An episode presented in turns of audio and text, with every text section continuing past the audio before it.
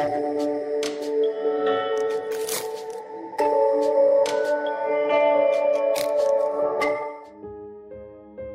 saudara, apa kabar? Senang bisa berjumpa kembali di dalam church online kali ini. Saya berdoa kita semua tetap di dalam keadaan sehat, kita semua tetap di dalam perlindungan dan anugerah Tuhan kita Yesus Kristus. Dan tema khotbah saya hari ini adalah good reputation. Di saat-saat ini banyak sekali orang yang ingin viral, saudara. Mereka melakukan berbagai macam cara untuk bisa menjadi terkenal dengan membuat berbagai macam konten yang mungkin menarik, unik, atau bahkan hal-hal yang tidak pantas untuk dipertontonkan.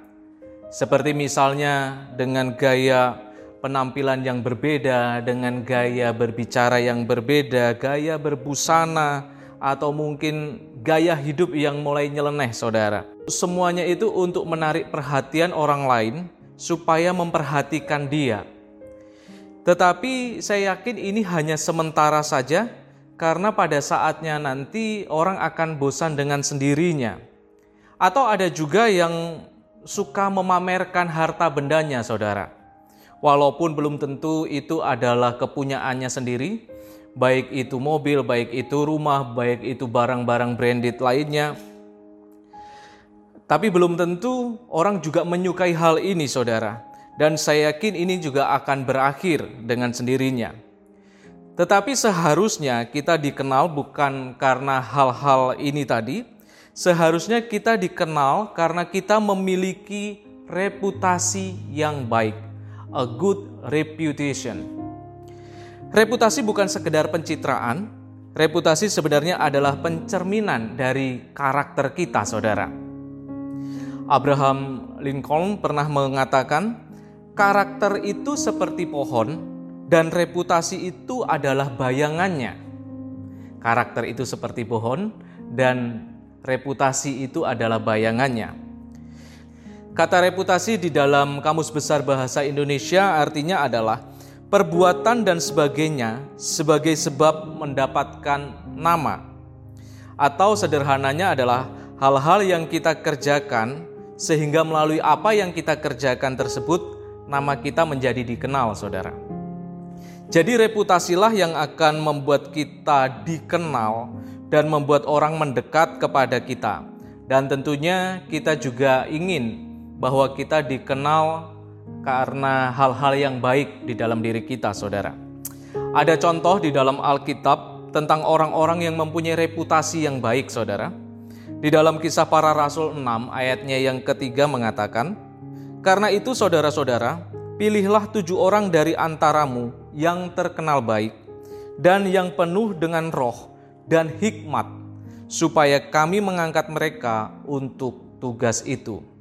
Di dalam terjemahan bahasa Inggrisnya mengatakan, Therefore, brethren, seek out from among you seven men of good reputation, full of the Holy Spirit and wisdom, whom we may appoint over this business. Pada saat itu ketika jumlah murid mulai banyak, timbullah sungut-sungut di antara mereka mengenai pembagian kepada janda-janda yang diabaikan dalam pelayanan sehari-hari. Dan kedua belas rasul itu mendengarnya. Oleh karena itu kedua belas rasul mengumpulkan semua murid yang ada di situ. Mereka mengatakan untuk para murid itu memilih tujuh orang yang terkenal baik tujuh orang yang mempunyai reputasi yang baik untuk bisa menjalankan pelayanan itu, saudara.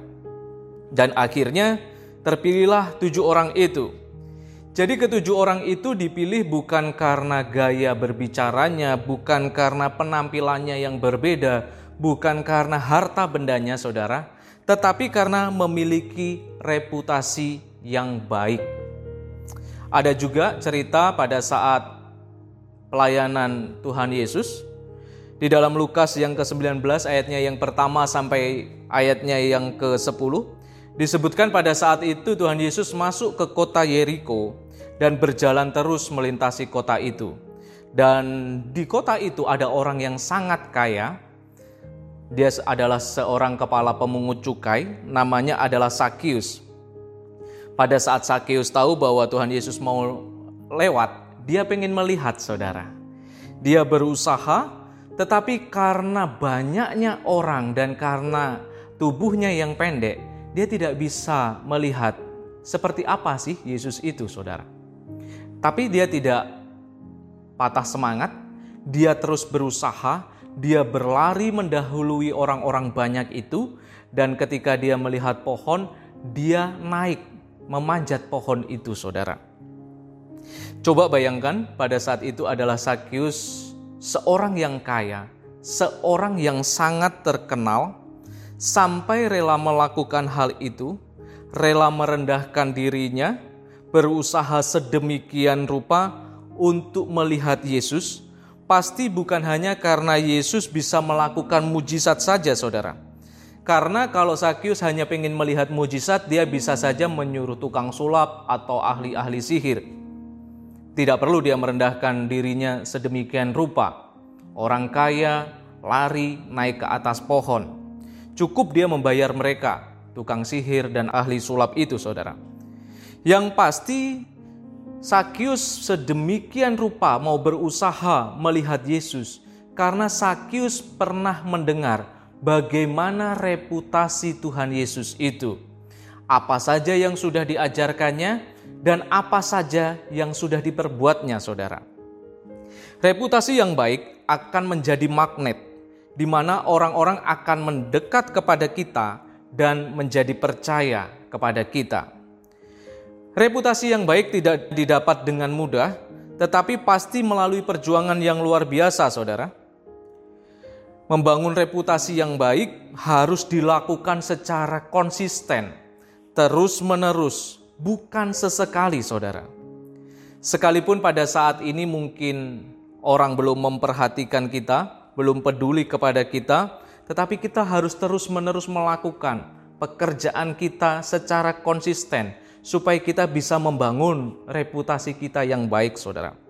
Sokrates pernah mengatakan demikian, Cara untuk mendapatkan reputasi yang baik adalah dengan berusaha keras untuk menjadi apa yang Anda inginkan. Sekali lagi, saudara, cara untuk mendapatkan reputasi yang baik adalah dengan berusaha keras untuk menjadi apa yang Anda inginkan. Pada saat ini, bisa saja orang tidak memperhatikan kita atau bahkan melupakan kita, saudara. Tetapi Tuhan tidak pernah melupakan kita, Tuhan tidak pernah meninggalkan kita, bahkan juga Tuhan sanggup membuat orang lain mendengar tentang kita, saudara. Ingat cerita tentang Yusuf?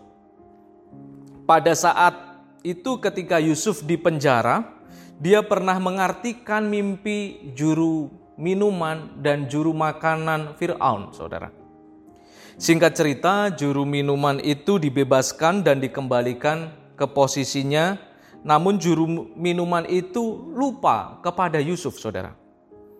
Sampai sekitar sudah lewat dua tahun lamanya, setelah itu terjadilah bahwa Fir'aun bermimpi dan tidak ada satupun orang yang bisa mengartikan mimpinya itu. Barulah pada saat itu, juru minuman teringat kepada Yusuf dan menceritakannya kepada Fir'aun. Kejadian 41 ayat yang ke-15. Berkatalah Firaun kepada Yusuf, "Aku telah bermimpi dan seorang pun tidak ada yang dapat mengartikannya. Tetapi telah kudengar tentang engkau, hanya dengan mendengar mimpi saja engkau dapat mengartikannya." Sekalipun Yusuf sempat dilupakan, tetapi Tuhan sanggup untuk membuat orang mendengar dia kembali, saudara. Firaun mendengar kabar reputasi tentang Yusuf. Selanjutnya dalam kisah Daniel juga disebutkan tentang reputasi Daniel yang didengar oleh raja yang pada saat itu berkuasa, saudara. Di dalam Daniel 5 ayatnya yang ke-14 mengatakan, Telah ku dengar tentang engkau bahwa engkau penuh dengan roh para dewa dan bahwa padamu terdapat kecerahan, akal budi, dan hikmat yang luar biasa. Raja bisa mendengar reputasi tentang Daniel, saudara. Tuhan sanggup membuat orang lain mendengar tentang kita, sekalipun seolah-olah pada saat ini kita dilupakan, saudara. Nah, sekarang bagaimana dengan kita? Apakah kita sudah memiliki reputasi yang baik?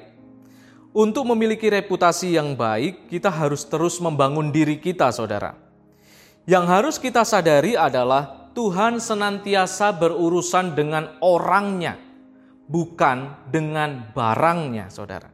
Sekali lagi, Tuhan senantiasa berurusan dengan orangnya, dengan pribadinya, dengan saudara dan saya, bukan barang-barang apa yang kita miliki, saudara.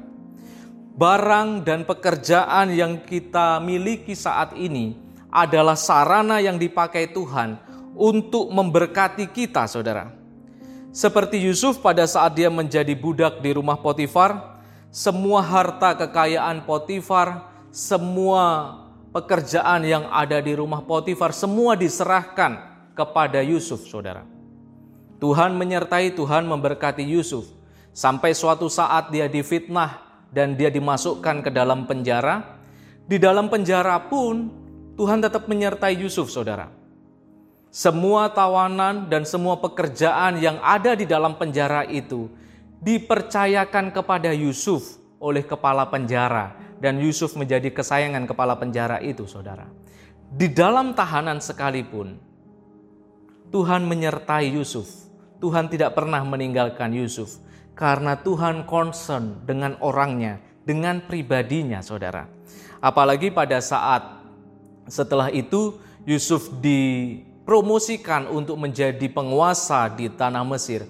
Pada saat dia menjadi penguasa di tanah Mesir pun, Tuhan tetap menyertai, Tuhan memberikan hikmat, Tuhan memberkati Yusuf. Jadi, yang diberkati Tuhan yang senantiasa menjadi concernnya Tuhan itu adalah kita saudara. Saudara dan saya, orangnya, bukan barang apa yang kita miliki, bukan pekerjaan apa yang sedang kita kerjakan saat ini, tetapi Tuhan concern dengan orangnya. Sehingga apa pun juga yang kita kerjakan, barang apa pun juga yang kita miliki pada saat ini, itu bisa menjadi berkat dan itu diberkati oleh Tuhan, saudara. Tuhan mencari yang mau, bukan yang mampu, saudara. Karena kemampuan itu terus bisa di-upgrade melalui belajar dan berlatih. Tetapi yang mau tidak banyak. Oleh karena itu, Tuhan mencari siapa orang yang mau, siapa orang yang memiliki kerinduan untuk bisa menjadi berkat, untuk mempunyai reputasi yang baik, saudara. Nah, ketika kita membangun reputasi yang baik, kita juga harus menjalin komunikasi dan bersosialisasi dengan orang-orang yang ada di sekitar kita, karena reputasi yang baik hanya bisa dilihat ketika kita ada di tengah-tengah mereka, saudara. Artinya adalah kita tidak boleh hidup secara eksklusif atau mengisolasi diri kita dari lingkungan di mana kita berada, saudara. Kita harus berada di tengah-tengah mereka, sehingga apa yang kita kerjakan, sehingga reputasi kita itu bisa dilihat, itu bisa didengar oleh orang-orang yang ada di sekitar kita, saudara. Memang benar kita perlu melindungi diri kita, memang benar kita harus menjaga diri kita, tetapi itu bukan berarti kita harus mengisolasi diri kita, saudara. Kita harus ada di tengah-tengah mereka dan kita berinteraksi, kita bersosialisasi dengan mereka. Kita harus bisa menempatkan diri kita sebaik-baiknya. Firman Tuhan berkata, kita seperti domba yang diutus di tengah-tengah serigala, saudara. Oleh karena itu, kita harus benar-benar cerdik kita benar-benar harus tulus, cerdik seperti ular dan tulus seperti merpati. Kita harus bisa menempatkan diri kita sebaik-baiknya. Kita berada di tengah-tengah mereka. Hidup kita harus membawa dampak yang positif, hidup kita harus membawa dampak yang baik untuk orang-orang di sekitar kita dan bukan malah meracuni mereka, bukan malah merusak mereka, Saudara. Kita datang untuk mengobati mereka, bukan membuat mereka luka. Kita harus bisa menerima, bukan menghakimi, saudara. Sama seperti Tuhan Yesus tadi, dia bisa menerima Sakius, Meskipun dia tahu apa yang menjadi pekerjaan Sakius, apa saja yang sudah diperbuatnya, Tuhan Yesus menerima Sakius. Malah Tuhan Yesus dihakimi oleh orang-orang yang ada di sekitar situ, saudara, yang merasa dirinya benar, yang merasa dirinya suci. Kita harus bisa menerima orang-orang di sekitar kita dan bukan menghakiminya, saudara. Kita harus mengajarkan mereka nilai-nilai kebenaran, bukan hanya sekedar menyalahkan. Mengajarkan, bukan menyalahkan. Kita tidak kaku dan idealis tanpa memperhatikan realita yang ada. Kita tetap harus fleksibel dan relevan, bukan plin-plan ataupun kompromi, saudara. Tetapi kita harus senantiasa memegang nilai-nilai kebenaran dan bukan memegang kebiasaan apa yang ada di sekitar itu, saudara. Tetap kita harus berada di dalam komunitas, jangan pernah kita memisahkan diri dari komunitas kita, dari perkumpulan kita. Di gereja kita ada IC, mari kita sama-sama bergabung. Bagi saudara yang belum bergabung di dalam IC, mari kita bergabung, saudara. Karena di situ kita bisa saling menguatkan, di situ kita bisa uh, saling mengingatkan, kita menegur, kita juga saling belajar di situ, saling menjaga satu dengan yang lain. Jangan kita memisahkan diri kita, saudara.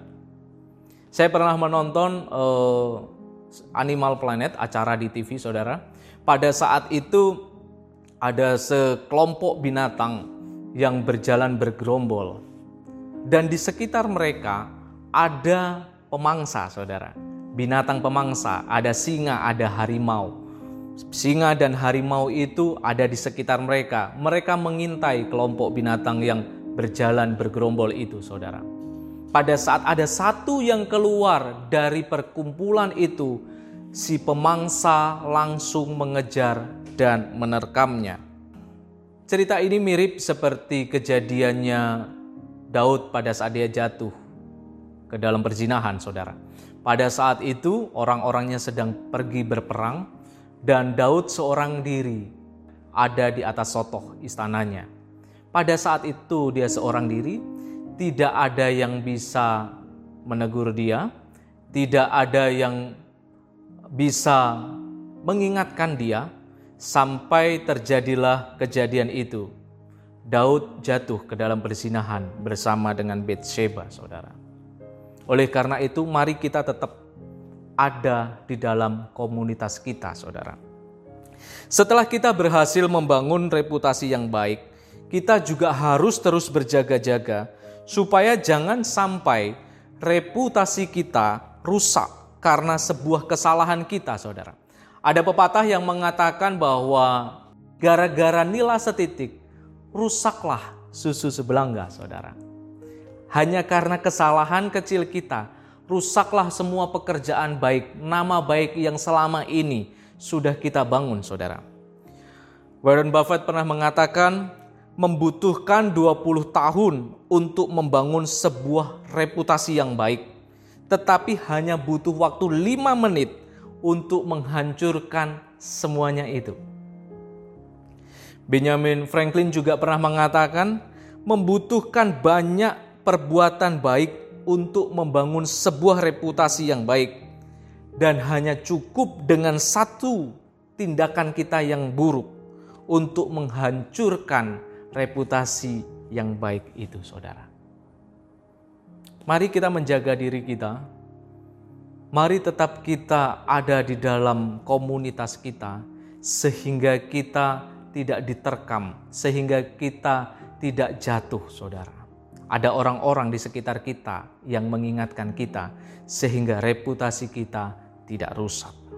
Saya tutup dengan satu cerita tentang Raja Salomo, saudara. Pada saat itu Raja Salomo terkenal dengan segala hikmatnya, reputasinya yang luar biasa. Sehingga pada saat itu Ratu Sheba datang untuk bertemu Salomo untuk membuktikan apakah benar selama ini yang dia dengar, reputasinya, hikmatnya Salomo, apakah benar seperti yang dia dengar? Pada saat sudah sampai di Israel, Ratu Sheba bertemu dengan Salomo. Dia berbicara, dia bertanya banyak hal kepada Salomo, dan pada saat itu Salomo menjawab semuanya dan menunjukkan bahwa reputasi yang selama ini didengar oleh ratu dari Sheba itu bukanlah omong kosong, tetapi reputasi itu adalah sebuah kebenaran. Sehingga membuat Ratu Sheba itu kagum dan tercengang saudara akan semuanya itu. Dan akhirnya Ratu Sheba berkata dalam satu Raja-Raja pasalnya yang ke-10 ayatnya yang ke-9 Terpujilah Tuhan Allahmu yang telah berkenan kepadamu sedemikian hingga ia mendudukkan engkau di atas tahta kerajaan Israel. Karena Tuhan mengasihi orang Israel untuk selama-lamanya, maka ia telah mengangkat engkau menjadi raja untuk melakukan keadilan dan kebenaran. Lalu diberikannya lah kepada raja 120 talenta emas dan sangat banyak rempah-rempah dan batu permata yang mahal-mahal tidak pernah datang lagi begitu banyak rempah-rempah seperti yang diberikan ratu negeri Sheba kepada Raja Salomo itu.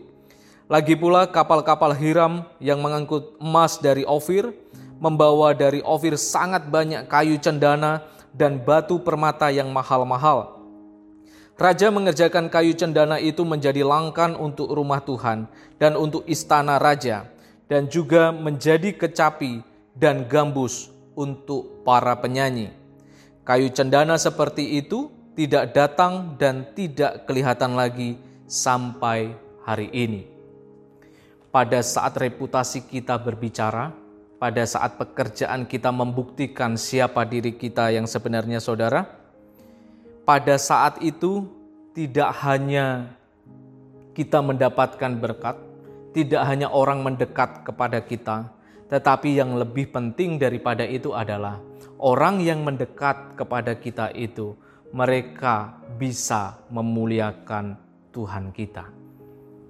Ratu Sheba berkata, "Terpujilah Tuhan Allahmu." Mari kita bangun reputasi kita, karena pada saat kita mempunyai reputasi yang baik, orang-orang akan melihat dan mendekat kepada kita, dan pada akhirnya tidak hanya kita menerima keuntungan, tidak hanya kita menerima berkat, tetapi yang lebih penting daripada itu adalah mereka memuliakan Allah kita. Matius 5 ayatnya yang ke-16 mengatakan, Demikianlah hendaknya terangmu bercahaya di depan orang, supaya mereka melihat perbuatanmu yang baik dan memuliakan Bapamu yang di surga. Amin. Tuhan Yesus memberkati.